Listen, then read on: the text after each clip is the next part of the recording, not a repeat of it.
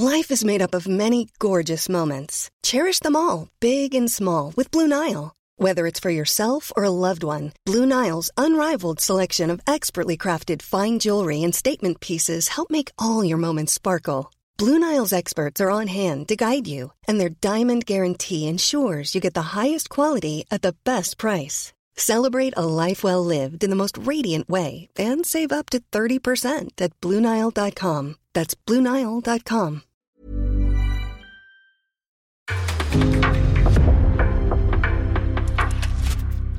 En podcast från Aftonbladet. In the supermarket, you have eggs class 1, class 2, class 3.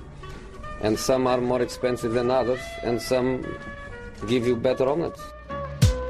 That's the wrong information. Wrong, wrong, wrong information. I didn't say that.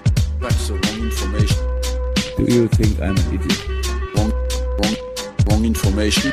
Now look at me when I talk to you. Your job is to tell the truth. That's the wrong information. Wrong, wrong information. Sillypodden, ja vi har samlats här för eh, sista gången för i alla fall en liten tid. Eh, Du ska få eh, gå på lite semester Makoto. Sen när du kommer tillbaka så kör vi igång igen. Ni kommer inte behöva vänta hela vägen fram till december för att Sillypodden ska komma igång igen. Utan vi kör någon gång i oktober när det börjar hetta upp igen, för det kommer det att göra. Då kommer vi ha, vi har ju redan fått en, en sparkad tränare i, eh, i England, det kommer hända grejer i, i Spanien, vi kommer behöva följa upp Barcelona, eh, såklart. Eh, Champions League har kommit igång, vi kommer ha fler krislag, eller färre krislag ute i de stora PC-klubbarna som kommer behöva Redan nu har det ju kommit en massa förhands inför januarifönstret. Ehm, Juventus planerar eventuellt ett bud på Roberto Firmino som jag tänker bekämpa med allt Det, jag har. det har de ju väsen. planerat under sommaren också. Ja, det har de pratat om, men det sägs att det planeras ett bud eh, till januari, precis som det eh, sägs att det planeras ett bud från Liverpool på Caicedo eh, i januari. Ehm, Ja, det, det, det är väldigt, alltså Caicedo är väldigt nu, bra. mitt, det, mitt flöde de senaste dagarna har varit väldigt Liverpool, de senaste dagarna också har varit väldigt Liverpool-centrerat runt just de här, men det var bara för att illustrera att redan nu så börjar det komma rykten. Vi tar dock en liten paus, i oktober så börjar vi rulla igång och sen i december så går vi upp och börjar känna på det eh, på riktigt allvar. Ehm, men det blir bra. Nu ska vi summera sommaren eh, summera deadline day som var i eh, torsdags. Ja, vi får tacka för det till att börja med. Tack alla ni som tittade. eh, roligt och intensivt får man säga. Även om det kanske inte hände jättemycket under kvällen i rent transferväg så. det hände ändå lite grann. Vi hade Aubame- Au- Aubameyang-grejen som, Ja. eh, som tuffade på och liksom inte bekräftades ordentligt och lite annat. Ehm, Ja, bland annat så hade vi också, Barcelona har ju nästan inte bara eh, liksom skiftat gränserna för vad som är möjligt att värva utifrån vilken budget du har. De har ju också skiftat gränserna för transferfönstret för sig själva. Det har de gjort förut ska ju sägas också. Aubameyang, när de värvade honom för ett halvår sedan så bröt han ju kontraktet med Arsenal vilket gjorde att han då kunde signa som free agent några dagar senare efter fönstret har stängt. Vi har sett dem värva spelare som Martin Brathwaite, hamnade i Espanyol och gjorde mål i debuten ska sägas också. Eh, som... vi, eh, hade, vi hade ju eh, RDT att följa, eh, Raul de Tomas. eh, påminn mig inte. Misslyckad Påminn övergång till. Espanyol. Påminn mig inte. Ah. Den var ganska rolig. Ja, han ville ju lämna Espanyol, det har skar sig där och av någon anledning, han ryktas i storklubbar, men det vart i slutändan då att Rayo var det hetaste spåret under Så. Mm. slutkvällen. Att återkomst i Rayo, eh, det var papperna som inte hann in i tid, det var en David de Gea 2.0 situation. Eh, där man helt enkelt inte hann få igenom övergången och det fanns uppgifter från Ja, det var uppgifter från El Chiringuito ska sägas och ta det med en nypa salt, men att det ska ha utsöndrats vissa saltlösningar från Raúl de Tomas ögon i alla fall, att han har, han grät för att det inte blev av. Eh, så vi får se hur det blir nu i Espanyol om man kan slå sig tillbaka in i laget. De har redan värvat hans ersättare i José Lu, så att Ja. eh, intressant situation där för RDT under hösten. Mm. Snackas om Fulham där också i januari. Ja, det är ju inte otänkbart. Det känns ganska rimligt, men Nottingham ska väl också vara med där gissar jag på. Så. Säkert. De är inte klara än, Nottingham.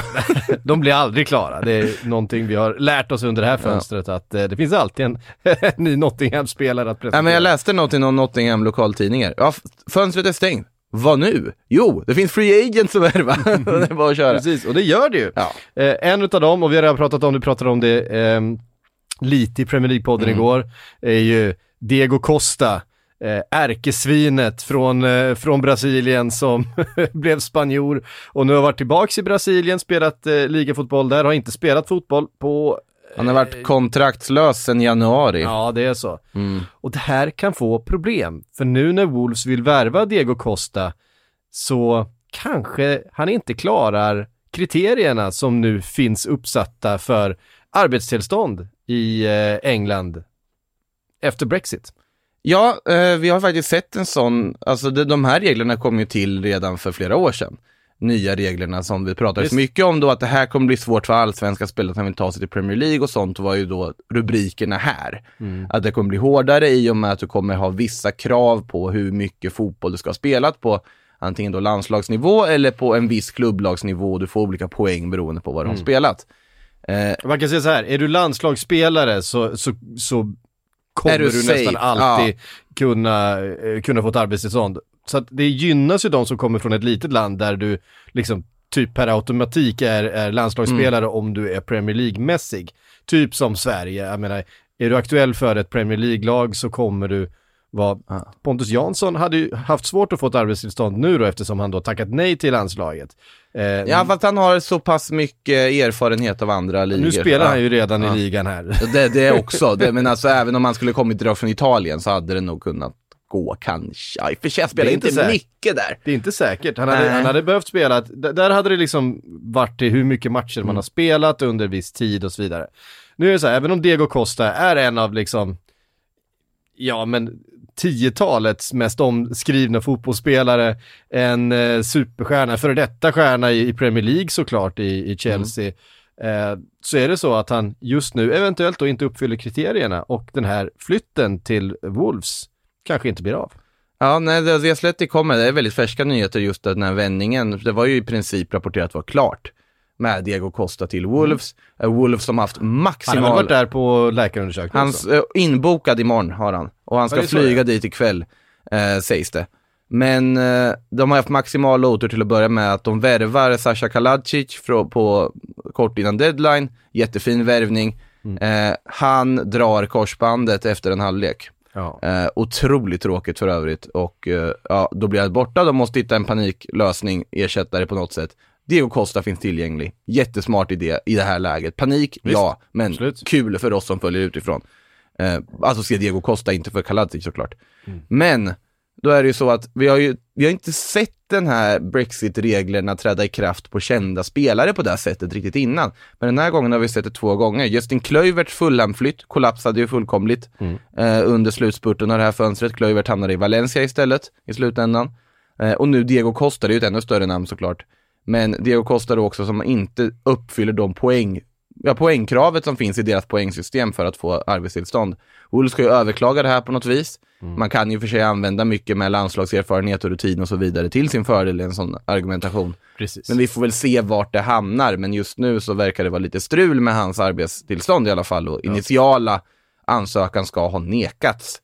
Eh, så det är ju en effekt av Brexit som eh, vi visste skulle hända men som vi får se prov på först egentligen nu, för vi har inte pratat om det så mycket sen de reglerna kom in. Definitivt. Eh, och vi har ju eh, förstått att det skulle hända förr eller senare att även ett större namn skulle drabbas av de reglerna som Mm. eh, satts upp. Framförallt då om man spelar för ett landslag som Spanien eller Brasilien. Framförallt har det pratats väldigt mycket om, om brassar framförallt, för där är ju det finns så otroligt mycket bra fotbollsspelare ute i Europa Mm. som tillhör en massa olika klubbar eh, och som skulle kunna värvas men som inte har då spelat något i landslaget, som kanske in, inte tillhört någon av de stora ligorna heller utan ehm, varit en stjärna i sig Danmark eller i Schweiz eller något sånt där. Allsvenskan för den delen. Som man kanske skulle kunna värva in och det skulle då kunna bli svårt. Eh, med tanke på att man då är inte har varit aktuell för något, man har inte varit uttagen i någon landslagstrupp och man har inte då spelat i någon, eh, något Europaspel eller något Och här är ju åldersaspekten, att du måste, om du är under, under en viss ålder så kommer du inte påverkas av de här reglerna på samma sätt för du spelar ungdomsmatcher och så vidare. Mm. Men däremot för en spelare som är 33 år gammal som Diego Costa, då blir det aktuellt. Han var 33. Han är bara 33. Det Helt sjukt. Det känns som han har varit 33 i 10 år. Ja det gör det, han har sett ut som han har varit 33 i 10 år. Ja men det känns som han har varit 33 i 10 år. Jag menar, han, har, han, har, han har spelat som en ärrad veteran. På tal om någon som också ryktades till Rayo den här sommaren, där hade man gärna velat se Diego Costa och Falcao i anfallspar i Rayo. Fan vad stökigt. ja, det, jag hoppades in i det sista. Ja. Det vart inte där för Rayo, tyvärr. Nej. Eh, Vi får se vad som händer där i alla fall. Ehm, jag, tror, jag tror att de kommer lösa det, jag tror att de kommer hävda han har spelat så här många säsonger i li- ligan redan, han har all den här bakgrunden, han är det här varumärket, han är allt det här. han Så kastade snor på Peppe. han kastade definitivt snor på Pepe. Ehm, det är det viktigaste argumentet i det, det visst, visst ligger den, den hopklippningen kvar på YouTube? Ja, det måste ju finnas någonstans. Det är ett av de roligaste. Det är någon, de har haft en, en sån här Zlatan-cam på eh, Diego Costa under ett eh, eh, möte, ett, ett, ett Madrid-derby. ja, det är, Där. han och Ramos och Peppe, ja det är otrolig underhållning. Min, min favorit är ju den när han, när han då snyter sig i handen och sen... Ja, och kastar. Ja, men det är ju, det är ju ena grejen. Men sen har du ju en när han smyger upp bakom Ramos också och bara Ja. lägger handen så på kinden på en hörna. på en offensiv hörna så att Ramos blir helt, vad fan är det som händer? Kommer bollen? Och, eh, jag tror inte det blir mål, men det... Det finns ju många så roliga historier om eh, sp- sydamerikanska spelare som eh, tar roliga knep för att vinna nickdueller. Jag vet inte om du har hört historien om José Jiménez i Atletico Madrid. Han har ju en viss taktik när det kommer till att försvara och markera. Att han går omkring och pratar med alla anfallare. Och han börjar prata om helt, och alltså, de, det är flera som sagt, det här är den jobbigaste anfallaren, man blir så irriterad på honom. Men han går omkring och säger så här, vad har du för bil? Jag såg att du hade en Audi, den var snygg liksom. Han börjar prata om sånt. Helt, helt, helt Ja. osammanhängande saker, ställer liksom existentiella frågor när de står där och, och anfallaren blir jätteförvirrad och sen går han in och tar bollen från dem. Det är otroligt. Ja, jag tror att det sker så mycket sånt som, eh, så som roligt. inte plockas upp eh, av oss eh, som tittar på. Eh, Luis Suarez är också en sån här mästare på sånt där. Alltså jag vet, det finns något gammalt klipp från innan pandemin när Barcelona hade någon match utan publik. Där eh, man hör allting Luis Suarez säger under en match och det är otroligt underhållande. Ja, det tror jag. Otroligt det, underhållande. Det, det är, Och det är inget, inget som lämpar sig för publicering. Ja, alltså, det var inte så farligt på så sätt, det var mest underhållande. Det var lite sött alltihopa när, när han skriker liksom Luis! Var själv och river sönder sin tröja. Det var- Jävla dåre alltså. Eh, vi frågar Patrice Evra hur eh, Luis, Lu, Lu, Luis Ja, Suarez Just det, beter sig. Patrice Evra, ja. Eh, Mannen som eh, åt en rå kyckling. ja, det också. Ja, det, Det är, det är, vad är det för bransch? vad, är, vad, är det, vad är det för gäng vi håller på att bevaka egentligen? Även om vi är fullständiga dårar. Apropå galet gäng, vi måste följa upp en sak från deadline day. Ja, du tänker på Bamba Dieng. Såklart jag tänker på Bamba Dieng, det, är ju, det var ju den stora behållningen under deadline day. Och för de som inte vet vem Bamba Dieng är, som missade den sändningen, så är det en anfallare i Marseille som hamnat lite på sniskan med Igor Tudor, tränaren. Han kommer inte få så mycket speltid, han har varit aktuell för en flytt. Leeds var ute efter anfallare. Gör klart med Marseille om en övergång för runt 100, drygt 100 miljoner kronor. Allt är klart. Bamba Dieng, oh kul med Leeds. Redo, åker till flygplatsen för att ta sig dit. Sen ringer Nice. Förhandlar med Marseille, kommer också överens. Bamba Dieng väljer att acceptera även Nice erbjudande, står på flygplatsen och funderar. Nej, jag, jag hänger nog kvar på solkusten. Leeds blir helt galna, eh, såklart. Arga, de värvar. Willy Gnonto istället. Eh, oavsett, det är ju relevant för sammanhanget. Men och Bamba Dieng åker till Nice då för att genomföra sin övergång på deadline day. Bränner läkarundersökningen och lyckas inte få kontrakt. Och här finns en fortsättning. För nu verkar han ha hittat en klubb ju. Ja, nej, för dagen efter så är det ju direkt så att Nice bara, ja men okej, för att i Ligue 1 har du någon form av joker-system. Jag ska vara ärlig, jag vet inte exakt hur det här fungerar. Men du kan värva någon form av joker efter deadline day baserat på vissa kriterier. Och Bamba Dieng skulle då värvas som en joker. Här dock, att även om då han missar läkarundersökningen, vi ger honom en chans till. Det var väl inte något allt för allvarligt de hittade uppenbarligen då. Utan det var väl mer att, ja, han verkar lite slö. Eh, som en viss undertecknad också var. Men, men... Han kanske hade ett väldigt lågt löpsteg. Ja, det kan vara, kan vara något sånt han hade. Bamba Diengs låga löpsteg, det här får vi jobba på. Eh, och då, då visade det sig att men då ville Nice liksom trycka ner priset med Marseille och Marseille glömde, det finns inte. Och då kraschade den. Royal Antwerp kliver in i bilden och vill värva honom. Erbjuder, lägger ett bud och igen, du kommer få speltid här, du kommer få en skälig lön, alltihopa. En bra belgisk klubb. De har fortfarande sitt fönster öppet. Bamba Dieng tackar nej enligt L'Equipe och ska vara kvar i Marseille. ja, jag är otroligt spänd. Turkiska fönstret är fortfarande öppet och min gissning utan någon form av belägg att han hamnar i typ Adana Demispor eller något i slutändan. Precis. Eh, han har ju då um, också såklart eh, petats ur Marseilles eh, Champions League-trupp. Han ingick inte i den när de presenterade den då igår.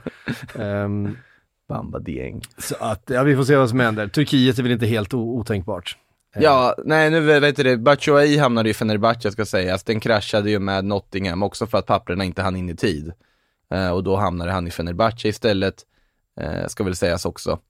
Eh, så det är ju vissa spelare man tänker, ja men hur händer med de här då som fortfarande kan flytta på sig, eh, som fortfarande letar klubbar och där det finns klubbar som fortfarande kan köpa spelare också i och med att turkiska är öppet, i och med att belgiska är öppet till torsdag. Så har du fortfarande, det kan ske mer rörelse men kanske inte för de allra största namnen. Nej, precis. Eh, Nice, vad nämnde vi här i eh, hela Bamba Dieng-härvan. Eh, de värvade Ross Barkley istället. Jag vet inte vad Niss har gjort i det här fönstret. Det är otroligt rörigt fönster som Niss har stått för, måste jag säga. Kasper Det är ju Schmeichel. mysigt att bo i. Kan- Ja, alltså, absolut. eh, de har väl Peppe på lån från eh, Arsenal va? Eh, ja, precis. De tog in Peppe på lån, de har värvat Kasper Schmeichel. Mm. De har sålt Guiri. Det var ju en sån här detalj som dök upp väldigt subtilt under deadline day. En- alltså ändå en väldigt ansedd, spännande anfallare som har lämnat. Så att de, det har ju varit en hel del ruljans i Nice, det råder ingen tvekan om den saken. Och sen Ross Barkley, ja i och för sig, ja, Aaron Ramsey också. Ja, det med. Så att jag vet inte riktigt vad det är de har för idé och tanke med det de sysslar med just nu. Men någonting är det ju som Lucien Favre ska försöka få ihop där. Um, får väl se vad det blir av alltihopa i, i slutändan. Ja, eh, de har, ehm, eh, de har värvat på ordentligt faktiskt. Eh, förutom, förutom dem då så eh, har de också plockat in Sofiane Diop. Eh, Just det. Så att ehm, de har spenderat, jag menar, eh, Pepe var ju visserligen på lån då, men Diop kostade ändå 22 miljoner euro. Vilket är mycket för en klubb som Nice. De värvade eh, Gaetan, eh, Laborde för 15 miljoner. Laborde kom ju i samband med Guiri övergången på något vänster. Väldigt Ja. underlig eh, historia det där. Ehm, Mattia Viti, 13 miljoner. Eh, Amavi är en fin värvning ska vi säga. Alexis Beka Beka, 12 miljoner. Ja men det, det har, Alexis Beka Beka. det har värvats, eh, värvats ordentligt i, eh, i Nice i alla fall. Det blir ett spännande projekt att, att följa. Sen är det ju nice att bo, bo i Nice. Ja, det, den, den är ju uppenbar att, att eh, dra också. Sen ska sägas att Nisse inte börjat säsongen jättestarkt heller, så att det kan väl en anledning till att man panikvärvar Ross Barkley. Kasper på- Dolberg. Har lånats ut i Sevilla. Mm. Mm. Det på tal om ett lag som inte har börjat säsongen särskilt bra har vi ju Sevilla som, eh, ja, Julian Lopetegui sitter nog inte jätte, jättesäkert med tanke på de resultaten de har gjort. Det är allt för dåligt för en klubb av Sevillas kaliber att börja den säsongen som de har gjort. Ligger alltså på 17 plats i ligan just nu med en inspelad poäng på fyra matcher. Det är inte bra. Inte för ett lag som spelar Champions League. Är de eh, Spaniens Leicester? Eh, ja, alltså Sevilla har väl i och för sig haft en större historia av att faktiskt vara ett bra lag och ligga uppe i toppen och ska förväntas vara på Champions League-platser och slåss om dem. Nu har man väl dock, Har de några ligatitlar? eh, nu ska vi se, någon i, frågan om de har någon i historien. Jag vet inte, från 2016. Nej, det har de inte, de har ingen Leicester-titel, så är det. Men det, alltså, Nej, jag tänker bara, men det, men det är liksom ett eh, motsvarande på något sätt. Det känns som ett, eh, de är ju lite fler storklubbar i, i England. Så att, ja, alltså det är ju fler storklubbar på så sätt, men Leicester, alltså om Sevilla vann ligan skulle inte vara en lika stor skräll som om... Som när Leicester gjorde det. Utan Nej. tvekan inte. Nej. Alltså om Leicester vann, det Nej, skulle det vara som att Rayo vinner. Ja, typ. eller ja, knappt det liksom. Det ska vara något lag som inte ens vi har någon så här förhoppning om. Ja men typ, ja Espanyol går och vinner ligan. Där har du något. Ungefär så. Där har vi vad, om Leicester titeln. Den, alltså man fattar ju inte hur extremt sjukt det var att Leicester vann den där titeln. Det, det ska ju verkligen inte finnas. Eh, och det, vi får aldrig glömma den titeln för det var någonting alldeles, alldeles speciellt och en, ett fotbollsögonblick jag i alla fall alltid kommer att ha med mig att man har fått uppleva. Nej. Ehm, vi eh, går vidare, konstaterar också att eh, Marcelo till slut hittade en klubb. Ja, han har presenterat för Olympiakos. Mm. Eh, Eh, Han kommer trivas där tror jag. han såg jätteglad ut när han stod där med tröjan, hade familjen där och, och också när han står, står med pyroteknik inne på innerplan när han presenteras också. Det händer bara i Grekland. Spelar, spelaren Men hjälper alltså till i med... Grekland har de verkligen en annan inställning till Ja, pyro än ja, han står där med en fackla där mitt på Ja, ja. planen och det är li- lite annat än Det finns vad... väl ingen, finns väl ingen liga där det bränns så mycket pyro som den grekiska? Nej, Alltså, ja, Balkan eh, har väl vissa. Grekland är väl en del av Balkan ändå? Ja, det beror på var man lägger gränsen för... Vi ska inte gå in på den diskussionen var gränsen för Balkan ligger tror jag här. Eh, Det är som att börja diskutera var gränsen för Makedonien ligger, vilket jag absolut inte ska göra heller här. Nej, nej så att, eh, nej men alltså det är väl en, som sagt det är ett äventyr, det är ett varmt land, det säkert passar för honom. Han är ju inte på samma nivå som någon mer som han var tidigare. Jag är ju ledsen att det inte blev Leicester som det ändå pratades om på, på deadline day. Det hade varit kul att se honom i Premier League och se vad han faktiskt skulle kunna göra. Det hade också kunnat bli ett eh, fasansfullt projekt där man eh, inser att han håller ju inte överhuvudtaget tempot eller någonting för att göra det här. Han höll ju knappt tempot för La Liga sista period. Hur mycket jag än älskar Marcello så måste man erkänna att det var inte riktigt, han var ju, har ju börjat gå ner sig lite och det var ju på något sätt Ganska nat- mycket. naturlig, naturligt avsked, det var ett väldigt fint avsked med Madrid också. Ja. Eh, på ett sätt som man inte ofta gör, lyckas göra med kaptener och trotjänare, men jag tyckte det var väldigt fint att man ändå lyckades med med Marcello. En av, eh, en av Real Madrids greats. Genom tiden, ja utan tvekan. Alltså han är ju den mesta mästaren i Real Madrids historia. Mm. Han har vunnit flest titlar av alla Real Madrid-spelare genom tiderna. Det säger allt om hans gärning. Det säger ju extremt mycket. I den klubben som ett vinner en, allt. Utan ett enda hemjobb som försvarare. Ja, nu ska jag säga att när han var som bäst så då var han ju bäst, bäst defensivt i världen också. När han var som allra bäst, då, då var han ju helt outstanding. Det var ju, jag vill hålla honom som en, alltså tidernas bästa vänsterback när han var som bäst, i sin prime. Ja, eller ja, Paolo Maldini i och för sig ska ju absolut Han kanske var, också, vara... han var också ganska bra. Ja, han ska väl vara före kanske då. Om man tar liksom back. Men just i det här Roberto med... Carlos var ganska som- bra med. Ja, Marcelo höll högre nivå än Carlos. Ja, jag, eh, vid, ja där, där står jag fast vid. Maldini, absolut. Nej, nu... Man, man tänker Maldini som mittback också, men han är ju liksom världens genom tiderna bästa försvarsspelare, punkt liksom. Det är. Så att, ja. Ja, det, det, var inte därför, det, det är inte därfr vi är här. Eh, men i det alla fall Marcelo till, till, till, till, till Olympiakos och Ja. eh, ja men som sagt, jag tror att det, det, det, det är ju någonting med hans liksom entusiasm och sättet som han är på. Liksom. Det, det, känns, det känns rätt med den grekiska ligan tycker jag. Ja, man hade nästan velat se honom flytta hem till typ Fluminense också. Det hade Ja. varit väldigt fint, men det kanske finns tid för det också.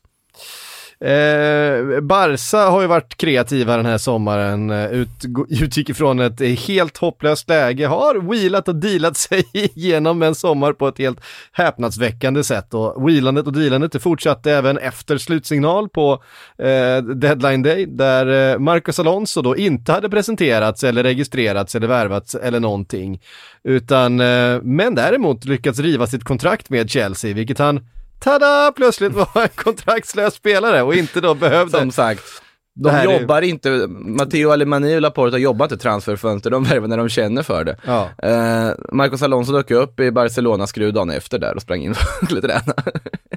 eh, och de hann ju registrera honom på något sätt, han är ju presenterad också nu, de presenteras ju dagen efter. Ja. Aubameyang var nästan ännu värre, då tog det ju flera dagar. Ja men Eh, alltså det är... mm, Det är he, he, de alltså det här, det här kryphålet som de eh, hittat, Det är ju inte bara de som har hittat det här kryphålet ska ju sägas. Men, det, eh, definitivt inte det, men, men det... De har tappat all respekt för, för, för ramar och regler eh, i, i Barca, det känns så. Nej, men de satte ju standarden när man Alltså det här har ju också utnyttjats i Spanien just på att du har den här, nu tänker jag det nästan värre var ju när de ersatte en skadad Dembélé med att värva Brasswaite efter deadline, alltså flera dagar efter deadline. Eh, från Leganes, Leganes åkte ur tack vare det, eh, eller på grund av det. Och eh, Leganes fick inte värva en ersättare heller, det var det som var det sanslösa, då måste du betala utköpsklausulen. Sen har ju det här satts i i system på ett sätt som är väldigt intressant när till exempel andra klubbar, jag tänker när Celta Vigo värvade Nolito för några år sedan, eh, så var det ju så att de fick ju egentligen inte värva, men de fick värva på grund av en långtidsskada. Och då skulle de ersätta sin reservmålvakt som hade gått sönder och ersatte honom med en anfallare.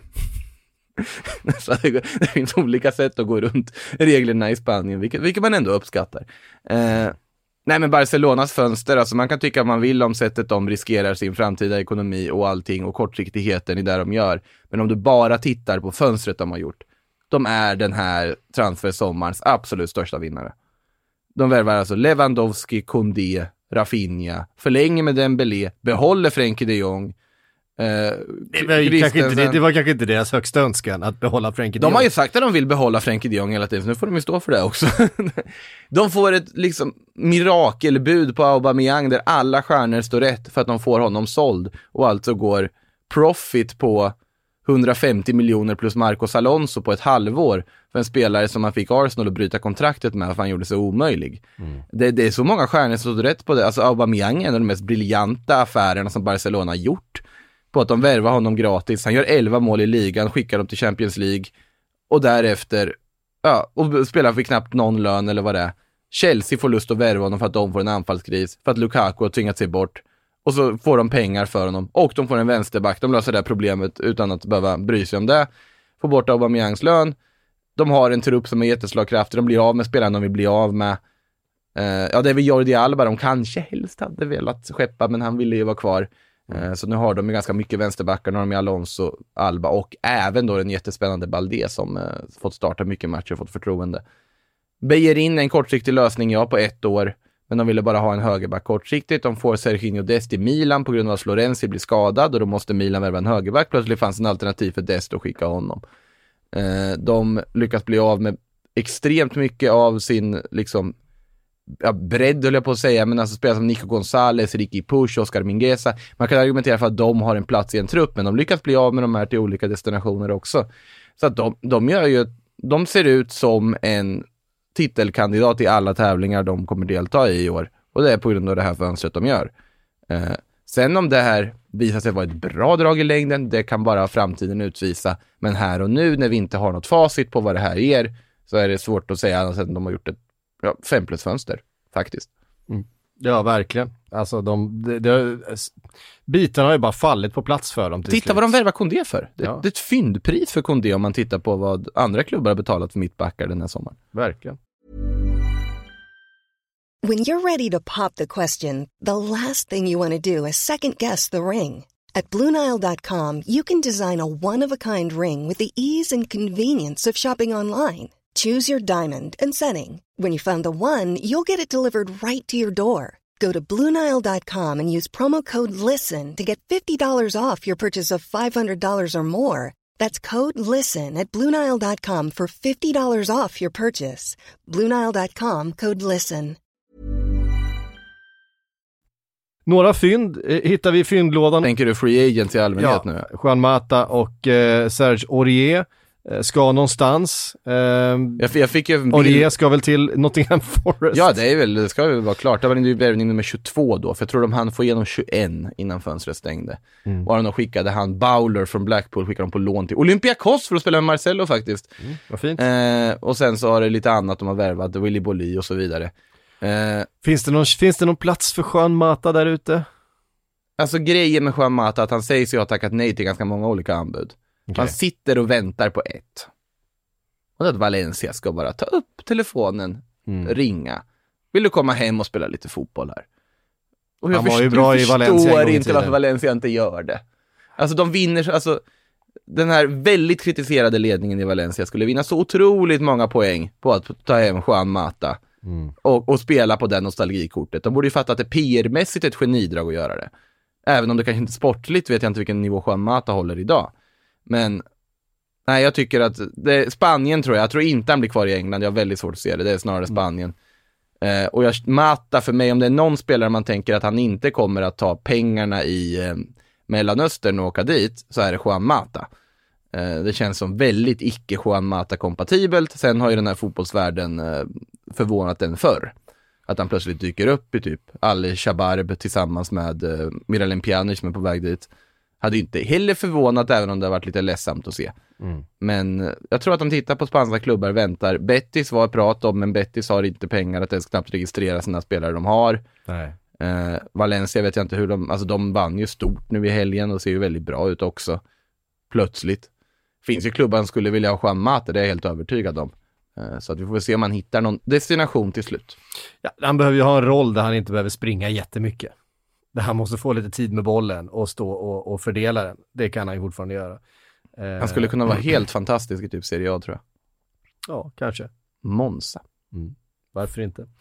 Eh, Jason Denier, eh, ett spelare som aldrig blev sådär bra, känner jag, som han... Fast med det ultimata försvarsnamnet, för han är the denier of goals. Ja, precis. Förlåt. Ja. Ja men liksom, man, jag, i alla fall jag trodde jättemycket på honom för ett antal år Ja. sedan. Eh, när han slog igenom och man tänkte att den här, den här kurvan pekar ju åt helt rätt håll. Sen har det inte blivit sådär jättemycket av det. Eh, får se vad, vart hans tjänster behövs. Men det, Leicester. ja, de skulle nog behöva honom. De behöver ju få in spelare. De är ju, de är ju sämre nu än vad de var i, i, i maj, eh, truppmässigt, med tanke på att de har släppt Fofana och inte, eh, och inte gjort så mycket mer. Ja, Wout Fass som sagt. Wout Fass har, har kommit in, men eh, det är ju en försämring. Eh, Fofana är ju Ja. Sen, sen tycker jag som sagt, framtidsnamn. jag tycker det var rätt att sälja Fofana, det ska sägas. Det var, bra, det var ett bra pris, men man måste också Men- ersätta spelare. men man de måste hade också kun- bygga vidare på en trupp. De hade kunnat få det här priset två veckor tidigare. De Ja. hade kunnat få det här priset två veckor tidigare, det är lätt att säga i efterhand, men de hade kunnat få det och ha lite tid att investera de där pengarna i någonting och försöka faktiskt att göra en omstrukturering och titta på, och inte bara panikartat titta på deadline day och inte göra någonting i slutändan heller. De ska ju ha, det här är intressant, det kommer ju uppgifter där efter vi pratade om det. Jag vet jag sa bara Elanga, Leicester, kom ihåg det. De har ju tydligen där och petade på Elanga men de fick ett nej. Eh, så att de var ju ute efter en högerytter på ett eller annat sätt. Och det finns det ju olika alternativ. Men det hade funnits fler om de hade bara sålt för fan, accepterat läget och sen kunnat investera de pengarna i någonting. Nu vart det inte så. Bara man tittar på vad Guiri gick för nu till, ehm, till Rennes så tänker man att där fanns det ju en spelare som hade kunnat bidra mycket offensivt då till exempel. Nej, ja, det finns många klubbar man är lite fundersam över. Leicester ingår ju verkligen i den kategorin. Ja, verkligen.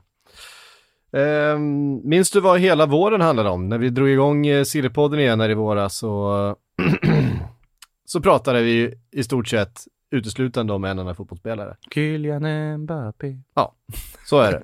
eh, sen eh, blev det ingen flytt som alla trodde att det skulle bli. Utan han blev kvar i PSG. Nu har han talat ut i New York Times Mm. eh, av alla ställen. Eh, och det var ju en intressant eh, inblick i, i hans eh, liv här och nu efter kontraktet. Han, det roligaste i det här, han bekräftar ju att Macron var inblandad. Mm. Att Macron sa åt, alltså president i Frankrike sa åt honom, men du, kan du inte vara kvar några år till i Frankrike? Du betyder så mycket för landet. Så att han var inblandad. Mm. Ja, jag har sagt det förut, att Ma- Ma- lägg dig inte i Macron, men han Nej, var där. Mar- Han var, Mar- Marseille-supporten han Macron. där. Han var och petade och ringde Kylian Mbappé, det är bekräftat nu. Då vet vi det.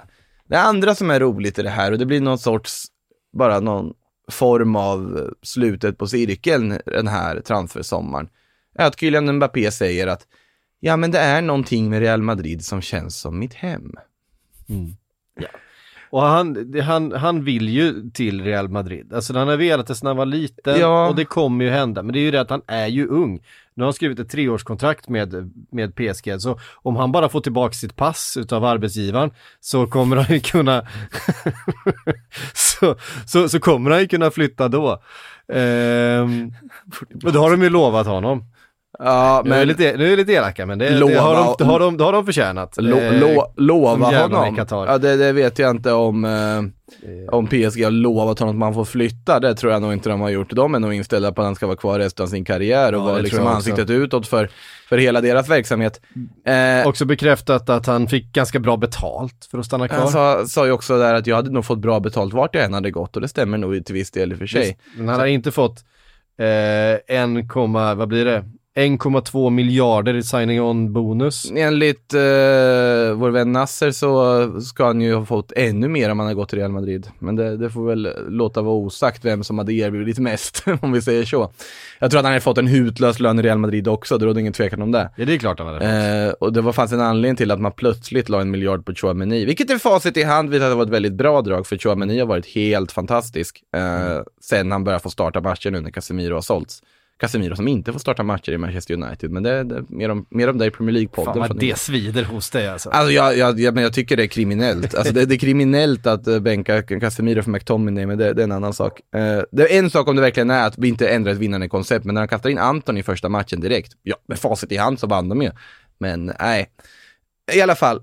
Men Mbappé, sättet, det har jag varit inne på förut också, sättet han i slutändan tackar nej till Real Madrid och sätter dem i den sits han gör. Det är ju det som gör att det blir konstigt och det är därför det finns många Madrid-supportrar som eh, reagerar ganska starkt och säger att eh, ja, jag såg ganska många memes till exempel på eh, Will Smith från Oscarsgalan där man liksom lägger in liksom don't put Real Madrid in your dirt, dirt, dirt mouse liksom. Man, nu, nu, du rör inte den här klubben. Vi ska ha Erling nu, säger alla Madrid-supportrar istället. Eh, för Haaland har ju den där, det sägs att han har klausulen ju, 2024. Ja, jo, absolut. Eh, Eh, men vi får se ifall Manchester City går med på det. Ja men om, om det finns en klausul på 1,5 miljarder finns inte mycket för City att göra. Kyrran Kyrran Mbappé hade inget kontrakt överhuvudtaget. Nej, det, Så, det, det var helt gratis, eller gratis. så Ja, att, nej, men så att vi slutar cirka med att Kylian Mbappé flörtar med Real Madrid igen. Och då är vi på något sätt tillbaka på ruta ett. Eh, I och för sig ruta ett för flera år sedan. Och så får vi väl se om Florentino Perez hur långsint han är. Vad han har hunnit titta på till dess och vad Real Madrid har hunnit göra till dess och vad som har hänt. Men eh, det är eh, fortsatt en maktkamp mellan de två eh, storspelarna, mellan ja, Uefa-etablissemanget med PSG och mellan eh, Super League-utbrytarna med Real Madrid, Barcelona, Juventus. Det är väl så på något sätt fotbollskartan ligger idag. Och så har du Premier League-klubbarna där med sina pengar och sitter mitt emellan och bara tittar på och tänker att det här blir kul oavsett. Ehm, Någonstans där, om man ska ta en väldigt cynisk och kortfattad och väldigt eh, basic bild av alltihop, så är det väl så det känns just nu. Ja, nej men verkligen. Eh, Hörru du, vi ska inte bli så långvariga eh, den här tisdagen, fönstret är stängt och så vidare, men vi ska svara på lite frågor innan vi Ja, eh, vi stänger göra. butiken. Eh, Jonathan Alfons undrar, vilka lag i Premier League hade bästa transferfönstret? Eh, det, än så länge, jag skulle vilja hävda att Manchester United har haft ett väldigt bra transferfönster. Eh, nu har vi sett en match från Anthony, men han kommer in, han gör mål, han är väl kanske inte Ehm, han är inte liksom helt inne i det än, men han ser ut som en, en spelare som kommer i alla fall eh, betyda någonting för det här laget den här säsongen. Som sagt, han var, det var ett fint mål han gjorde. Utifrån de senaste matcherna ska vi komma ihåg att Malaysia, Martinez, Eriksen, samtliga de har startat också dessutom. Ja, och Och man varit. fick in Casemiro på slutet som definitivt kommer komma in och göra det här laget bättre. Eh, jättefint fönster av Manchester United till slut. Efter Faktiskt. väldigt mycket om och Sen men. har man betalat det som krävs för vissa spelare, absolut. Ja, men men det- vi det måste komma ihåg, de här lagen har ju också pengar att det, göra det. det är ju också det dyra, det mesta en klubb har betalat en eh, sommar tror jag eh, i total transferutgift. Eh, det Manchester United. Nej, vadå to- totalt överhuvudtaget? Var det nej, det var, det var mest i år. De, de som har betalat mest i år. Är inte Chelsea det? Eh, jag tror... De kom inte upp i det kanske i och med att de inte, ja... Fast vi, Möjligt att, att, eh, att de var i alla fall på deadline day. Det är möjligt att, att Chelsea, han... han Men jag tänker Fofana för väldigt mycket pengar, Kukureya för väldigt mycket pengar, Sterling för ganska mycket pengar, Koulibaly för ganska mycket pengar. Mm. Ja, i och för sig, de stannar väl där. Mm. Har det någon jag glömt nu? Alltså det här finns ju på en lista någonstans. Ja, det finns det. Nottingham också Peter. Mm. Ja, i alla fall. Eh, nej, United har gjort ett jättefint fönster. Jag tycker man ska lyfta Arsenals fönster. Eh, fått in helt rätt spelare uppenbarligen. Eh, bara faktumet att få tillbaka Saliba är ju någonting man pratar allt för lite om som varit strålande. Gabriel Jesus som kommit in. Sen får vi väl se hur det blir med spelare som så här, Fabio Vieira och så vidare. Man kanske har velat värva en mittfältare till. Sinchenko har varit en jättefin förstärkning. De är stora vinnare i det här fönstret. Jag tycker Tottenham är stora vinnare i fönstret sett till vad de har pinpointat och pekat ut och värvat in. Eh, och bara lugnet som funnits över Tottenhams agerande under det här fönstret Mm. tycker jag talar för att de har varit, är, får räknas in till vinnarna. City tycker jag också ska göra det. Eh, bara på faktumet att man värvar Haaland och vad de har värvat i övrigt och hur starka den truppen, stark den truppen ser ut överlag. Eh, vad har vi mer? Jag tycker faktiskt att Leeds har gjort ett alldeles ypperligt fönster även om det finns vissa brister i det. Men där är det väl anfallet, men där har man haft lite otur med skador och sånt också. Men om man bortser från anfallsfrågan så tycker jag Leeds har gjort ett eh, strålande fönster med. Har vi annars i Premier League? Ehm, nej men alltså, Fulham har väl gjort ett helt okej, alltså tycker jag.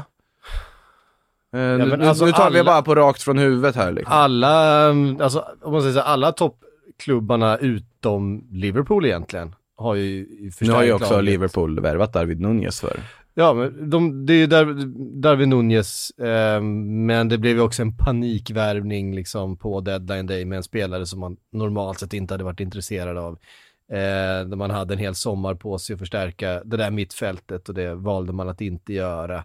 Man tog en chansning lite grann så som man har gjort tidigare, den gick inte hem den här gången heller. Eh, Chelseas fönster är svårbedömt tycker jag. Det är svårbedömt. Arsenals jättebra, Tottenhams jättebra, Manchester Uniteds jättebra. Ehm, Citys jättebra. Citys jättebra, absolut. Även om de inte fick in Kukureya som de eh, De hoppats. valde att inte betala ett överpris för Kukureya som de kände var överflödigt. Och det kan jag tycka är helt rätt. Och det är också en indikator på att Chelsea kanske gick med på lite för mycket i det här läget. Varför är det en väldigt rolig felskrivning som jag läste nyligen angående Reece James kontraktsförlängning. Det kan vi säga att han förlängde till 2027. Det är hö- högst netspend, eh, nu fick jag upp listan här. Det var väldigt jämnt mellan Chelsea och Manchester United, men Chelsea gick precis om. Tänkte väl att Chelsea 200, hade mer. 227 miljoner. Men då har vi netspend, då räknar man alltså, Det är netspend ja, alltså det är... eh, men det är försäljningar också minus då? Ja, precis. Ja. Eh, så net, netspend är det, det som räknas ehm, eh, här och det var, det, det var den listan. Men där ledde Manchester United då efter, efter Anthony, men eh, Chelsea klättrade förbi precis på slutet. Med- Men det är otroligt jämnt. Det är 227 miljoner euro, vilket är alltså då 2,- 2,3 miljarder ungefär i netspend på en sommar. Eh, och eh, Manchester United 226 miljoner. Så det, Ja, det var Aubameyang då, som sköt förbi då. det måste varit det. Eh, så att det var otroligt eh, jämnt och det är helt sanslösa siffror att betala eh, nästan 2,5 miljard i netspend på en sommar. Där har du också, det är de två klubbarna som satt i mest panik inför slutdagarna och betalade mest överpriser för spelare. Så enkelt är det ju. Eh, sen, Eh, och det- Vi kan ju gissa vilka som är på tredje plats. Nottingham. Ja, de är på fjärde plats. De, Nottingham har alltså betalat 1,5 miljard netspend. Arsenal. Eh, nej, Tottenham. nej. Det är faktiskt West Ham. Ja, just det. De de- ja, Agüer. Mm. Eh, De gör ju ett ganska, fint, Skamacka. de gör ett ganska fint fönster, eh, West Ham, även om. Ja. Det har värvats in en hel del. Det har liksom investerats i den här truppen nu. De smyger lite under radarn, men de är faktiskt tredje högst i Europa i netspend den här sommaren, West Ham. Barca då? Eh, Barca, med tanke på att de sålde, eh, sålde bra, så netspend eh, land, landar faktiskt bara på 115 miljoner. Ja, i och för sig så också, de sålde en del, men också så var det ju inte jättedyra rekryteringar och många fri transfervärvningar. Ja. Eh, kortsiktiga lösningar på så vis. Sen var det vissa de spenderade på, det var ju Rafinha, det var Levan, Lewandowski. det var, eh, vad heter han, Koundé. Det var ju Mm. de tre man la pengar på egentligen. Så att ja, på så vis absolut. Eh, Real Madrids topp fem, netspend topp- är inte ens med på listan va? Vad sa du? Real Madrid är väl inte ens med Nej. på listan? Nej, men Nej. det är väl för att de också har sålt. Ja, de sålde ju Casemiro för en massa pengar på slutet här nu till exempel. Ehm, Det där är ändå väldigt spännande att man har lyckats. Alltså Real Madrid har ju ändå haft under många år ryktet att vara en klubb som verkligen splashar ut pengar, för det var de som startade Galacticos-eran och alltihopa på något sätt. Eh, och var stor bidragande orsak till att vi Ja, har men- de här sjuka priserna i fotbollsvärlden idag. ja, men det, det, det, det var ju någon som hade gjort sammanställningen här, listan över de senaste, Ja, Madrid är ju inte ens i närheten av de andra. det tio åren? Ja, de är inte i Eh, närheten. och de var inte ens med på listan. Det säger en del om hur mycket, hur rätt man har prickat på saker och ting och eh, Ja. varför det är väldigt skönt att ha Florentino Perez som president i en klubb, för att då vet du att saker och ting kommer att gå till på Ja, ett för det var intressant att på den listan så var det, för det var de tio, Everton. tio, tio mest, där. Everton var med där. Högt. Varken Bayern München, Liverpool eller Real Madrid var med på listan eh, över klubbarna som hade spenderat mest då, Mm. netto eh, under, eh, finns, det finns ett eh, transferfönster vi måste lyfta här, känner jag, innan vi lägger ner och det är PSGs. Mm. Alltså förutom att behålla Mbappé, de värvningarna de har gjort. Alltså förra sommaren så var det ju, ja det var Ramos, eh, Messi, Wijnaldum, Donnarumma, Hakim. Det var bara stjärnglans. Det skulle by- fyllas på med stjärnor som bara den och man presenterar allihopa i grupp. Nu är det alltså Mukiele, Ekitike, Vitinha, Renato Sanchez, eh, Carlos Soler, Fabian Ruiz, det är alla fotbollshipsters drömlag som de håller på att bygga ihop. Eh, bara massa så här bra fynd, smarta framtidsvärvningar, eh, helt och hållet Luis Campos som har fått börja liksom dra i trådarna där. Eh, det ska bli väldigt spännande att se om det här receptet är det som kan ge dem det här de verkligen längtar efter. Om de, den här kombinationen med den stjärnpower de redan har kan dra dem till nästa steg. Eh, för de har värvat smart. Och de har värvat på ett helt annat sätt än vad vi sett PSG göra tidigare. Eh, som vi sett något av de här, alltså det, är- det är ju inga, det är ju inga tröjsäljande namn något av. Nu har de ju redan sina tröjsäljande namn såklart. Och de har, Mbappé-förlängningen tog väl en stor slant med. Men det här bara, ja men Carlos Soler finns för ett bra pris. Vi fyndar in honom till den här positionen. Sarabia ingår i truppen just nu och spelar. Ja, Där är vi. Ja, där är vi. Och det är ju eh, besynnerligt på många sätt. Eh, Joel eh, undrar så här, Djurgården värvar Makoto. Om ni missade deadline day-sändningen så, eh, recap, du var och gjorde en läkarundersökning hos. Djurgården som ett inslag och, och skrev kontrakt och så vidare. Eh, det var jätteroligt. Det finns på eh, Aftonbladet och på YouTube och sådär om man vill titta på. Eh, men han undrar, vilka går psyk till? Eh, Men jag tänker så här, jag har ju en gång i tiden då tillhört eh, BK Häckens kansli. Eh, För, inte, för er som inte vet det så har jag ju jobbat för BK Häcken en gång tidigare. En gång i tiden. Så att jag får väl gå dit och så gör vi upp om SM-guldet. Ja, alltså, Med tanke på att Bayern jag, jag förlorade måste lägga igår in så en är det ju- dis- disclaimer här nu, så att liksom inte folk tror, alltså jag är faktiskt, det här säger jag med 100% ärlighet, att jag är, har inget emot något av de tre Stockholmslagen och är inte liksom pro något av dem. Det är, jag är väldigt likgiltig där. Där kan jag, jag bara lägger in det, Ja. för, för vetskap. Men det var ju för att... Men, men jag, man tackar inte nej till en sån möjlighet att spela för en toppklubb i Sverige. Ehm, det, här, men det var ett inslag vi gjorde eh, och så sa jag, får gå, gå, till BK Häcken då så får vi göra upp om det där SM-guldet för det verkar ju stå mellan, mellan Djurgården och Häcken. Ja, det är ju många matcher kvar. Eh, men eftersom Bayern förlorade borta mot Norrköping igår. ja, det kom från ingenstans att Norrköping skulle göra den insatsen. Ja, De, de, var, de firade nästan som ett SM-guld i Norrköping såg jag. Eh, gör de rätt i.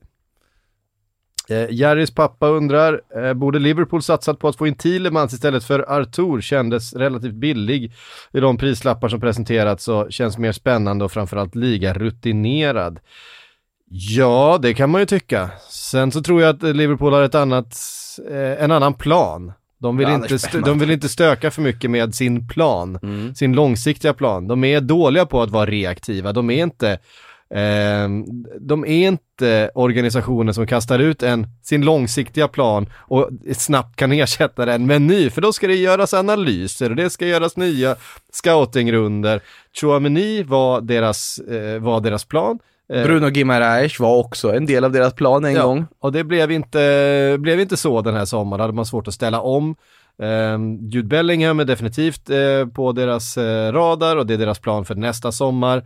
Eh, och då känner man väl att, eh, nej men vi hade inte, vi hade inte tänkt på Thielemans, vi kan inte börja prata Thielemans nu eh, så här i slutet. Ja, då får vi ta något på lån istället. Jag tror också att Thielemans hade varit en mycket bättre värvning än, än Artur. De har ju dock lagt in en möjlighet att vara reaktionära i och med att Arturs lån faktiskt verkar innefatta en köpoption. Ja, det finns en köpoption i det. Sen, Ja. sen så, ja, hur mycket man ska ge den. Så det blir ändå en förhandling och det blir ändå, det är inte en obligation utan det är en köpoption. Exakt. Och hur mycket en köpoption är värd överhuvudtaget. Eh, den kan ju ändå förhandlas när det är slut och då kan vi välja att inte göra det. Eller så ny väljer man att, eh, även om det skulle vara en obligation med vissa kriterier, så väljer man att spela den spelaren i 28 minuter per match. Precis. eh, Griezmann spelade, som- hoppade in precis lagom där efter, efter minut 60, även den här helgen. Ja.